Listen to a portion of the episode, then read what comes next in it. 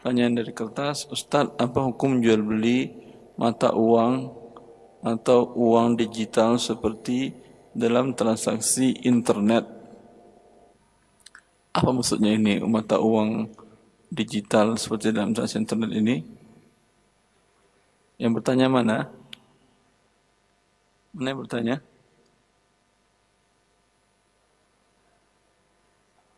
Dari Bibu atau sudah pergi orangnya? Bitcoin atau apa? Sebentar, saya jelaskan satu-satu.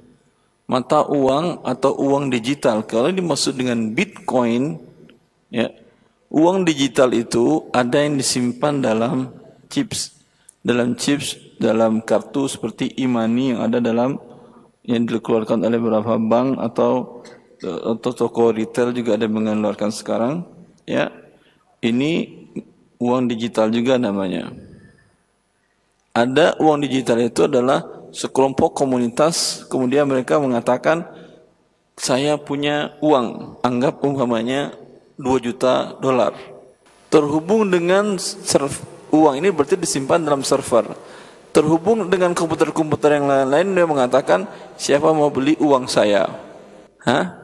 Fisiknya ada atau tidak? Tidak ada. Kalau yang dalam chips tadi, dalam kartu plastik tadi, itu ada fisiknya karena diisikan dengan uang yang diserahkan.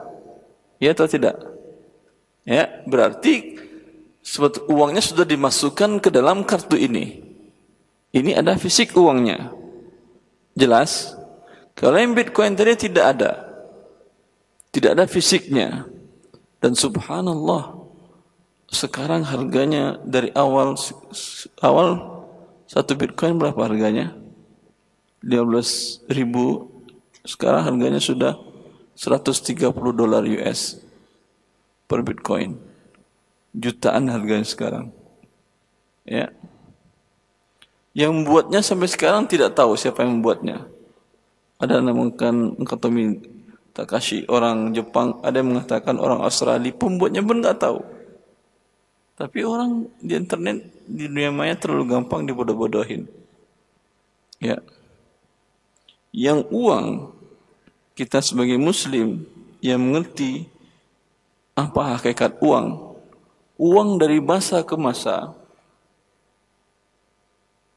dari semenjak Allah menciptakan dunia ini dan sampai hari kiamat nanti yang uang adalah emas. Iya atau tidak? Tak pernah turun nilainya. Karena uang itu ukuran standar untuk menilai harga dan harga barang dan jasa. Kalau dinilai dengan rupiah, ha, untuk sebuah barang akan berubah dalam setahun harganya. Iya atau tidak? berarti ukuran rupiahnya mengecil atau membesar.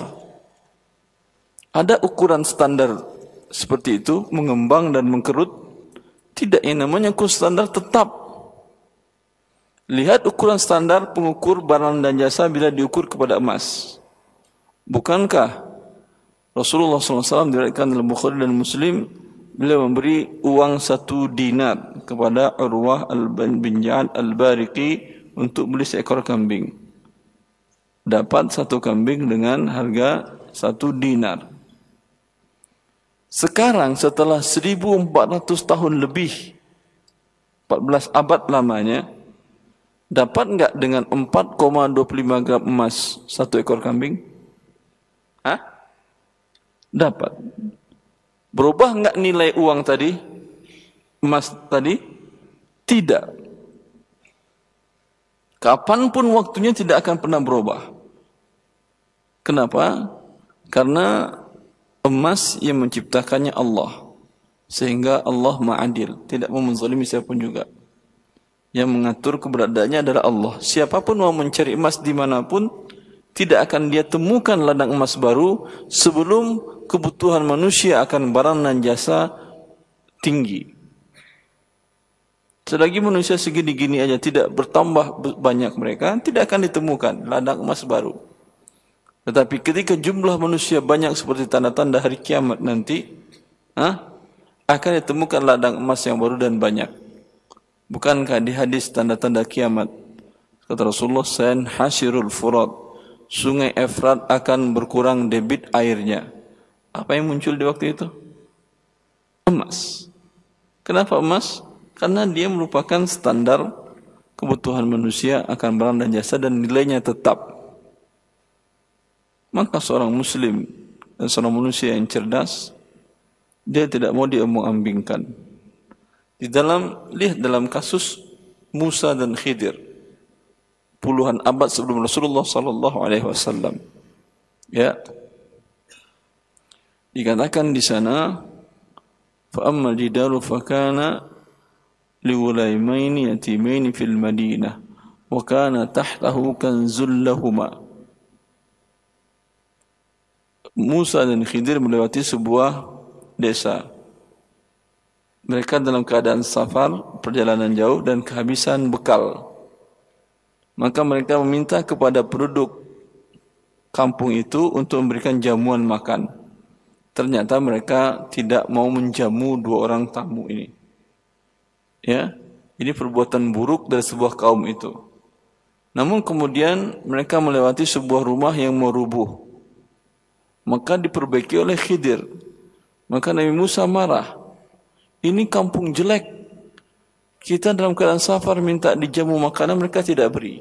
Tapi kenapa engkau berbuat baik kepada sebuah kampung yang jelek?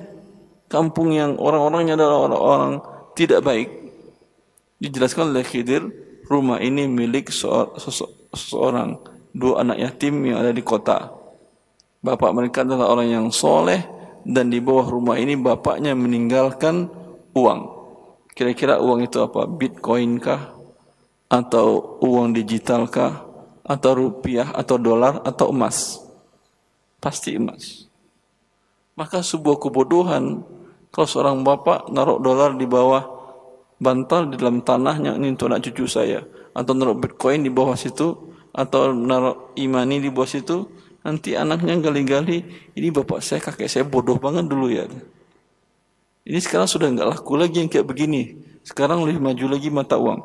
Tapi kalau emas semaju apa pun mata uang, dia akan menjadi rujukan manusia. Bukankah setiap negara mencetak uang ada divisa emasnya? Iya atau tidak? Berarti mana yang uang emas atau uang kartal itu? Emas. Uang kartal hanya mewakili saja. Jelas anda ini? Allah Ta'ala Jangan nanti anda dibodoh-bodohin oleh anak cucu anda selanjutnya. Ini kakek yang bodoh meninggalkan ah, bitcoin untuk cucunya.